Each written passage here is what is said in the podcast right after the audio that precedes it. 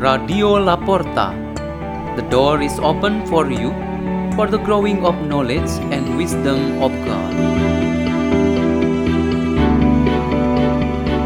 Delivered by Father Peter Tukan SDB from Salesian Don Bosco, Gerak in Labuan Bajo, Diocese of Ruteng, Indonesia.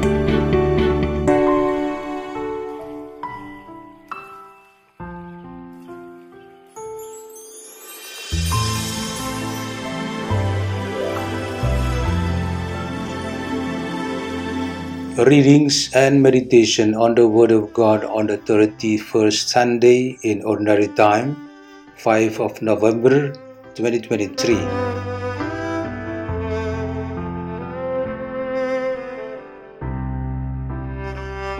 A reading is taken from the book of Malachi. The great king am I, says the Lord of hosts, and my name will be feared among the nations. And now, O priest, this commandment is for you. If you do not listen, if you do not lay it to heart, to give glory to my name, says the Lord of hosts, I will send a curse upon you, and of your blessing I will make a curse. You have turned aside from the way and have caused many to falter by your instruction. You have made void the covenant of Levi, says the Lord of hosts. I therefore have made you contemptible and base before all the people, since you do not keep my ways, but show partiality in your decisions. Have we not all the one Father? Has not the one God created us? Why then do we break faith with one another, violating the covenant of our fathers? The word of the Lord.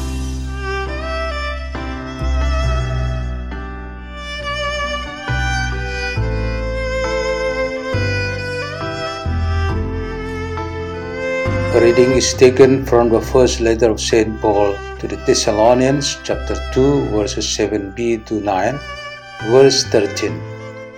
Brothers and sisters, we were gentle among you as a nursing mother cares for her children. With such affection for you, we were determined to share with you not only the gospel of God, but our very selves as well. So dearly beloved had you become to us. You recall, brothers and sisters, our toil and drudgery, working night and day in order not to burden any of you. We proclaim to you the gospel of God. And for this reason, we too give thanks to God unceasingly that in receiving the word of God from hearing us, you received not a human word, but as it truly is, the word of God, which is now at work in you who believe. The word of the Lord.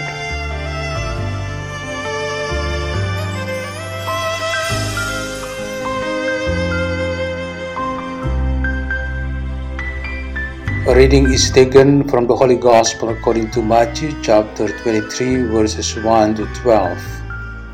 Jesus spoke to the crowds and to his disciples, saying, The scribes and the Pharisees have taken their seat on the chair of Moses. Therefore, do and observe all things whatsoever they tell you, but do not follow their example. For they preach, but they do not practice. They tie up heavy burdens hard to carry and lay them on people's shoulders, but they will not lift a finger to move them. All their works are performed to be seen. They widen their phylacteries and lengthen their tassels.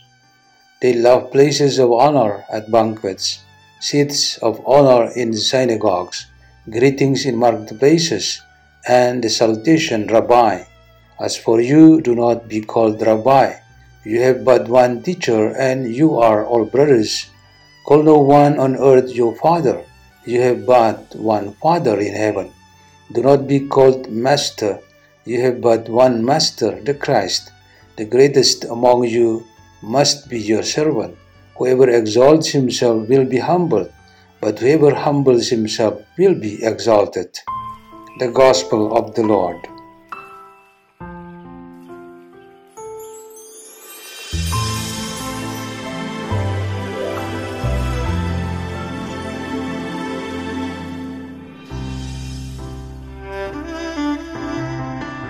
Our meditation on this 31st Sunday in Ordinary Time has the theme Bargain the Price of Heaven. Market culture has made people in the world unable to break away from money and prices. This world is full of price offers or standard. All can be exchanged with money. Money is considered the king in this world. We humans, like or not, want to apply to heaven such a market mentality, at least by some people whose orientation in life is for material goods, world's desires, and flesh allurements. There are two main directions here namely, first, bringing God either His words or His actions to be a price or value that has the power to influence fellow human beings. The second is to bring fellow human beings through all means so that they know God as desired by the one bringing. We can understand these carriers as sellers. They sell heaven and God to be bought by people of the world, and they also sell humans and the world to be bought by heaven and God. These sellers, according to our readings today, are priests, teachers, preachers, religious leaders, apostles, and shepherds.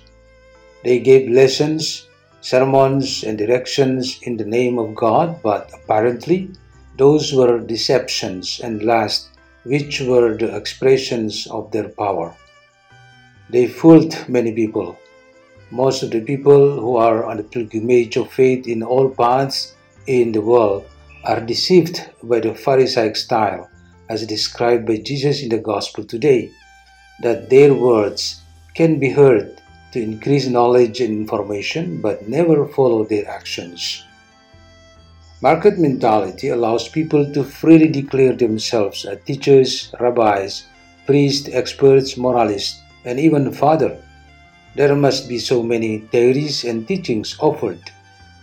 The students and listeners are prone to confuse, and a big tendency of division is evident. Indeed, says St. Peter in his first letter, that we are all priests because of the baptism in Christ. But this is not a reason to offer heaven according to the standards of each priest, meaning each one of us, and not the standard of Jesus Christ. Heaven must be offered as far as possible with the standard of Jesus, namely, there is only one teacher, the Father expert in the power of Most High, namely Heavenly Father. Each one of us should be a humble seller, because what we sell is one Father, not ourselves. We as priests may be able to follow the example of St. Paul, who becomes a humble servant.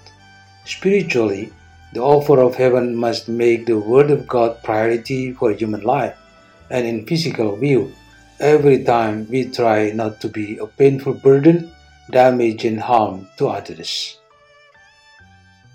Let us pray. In the name of the Father, and of the Son, and of the Holy Spirit, Amen.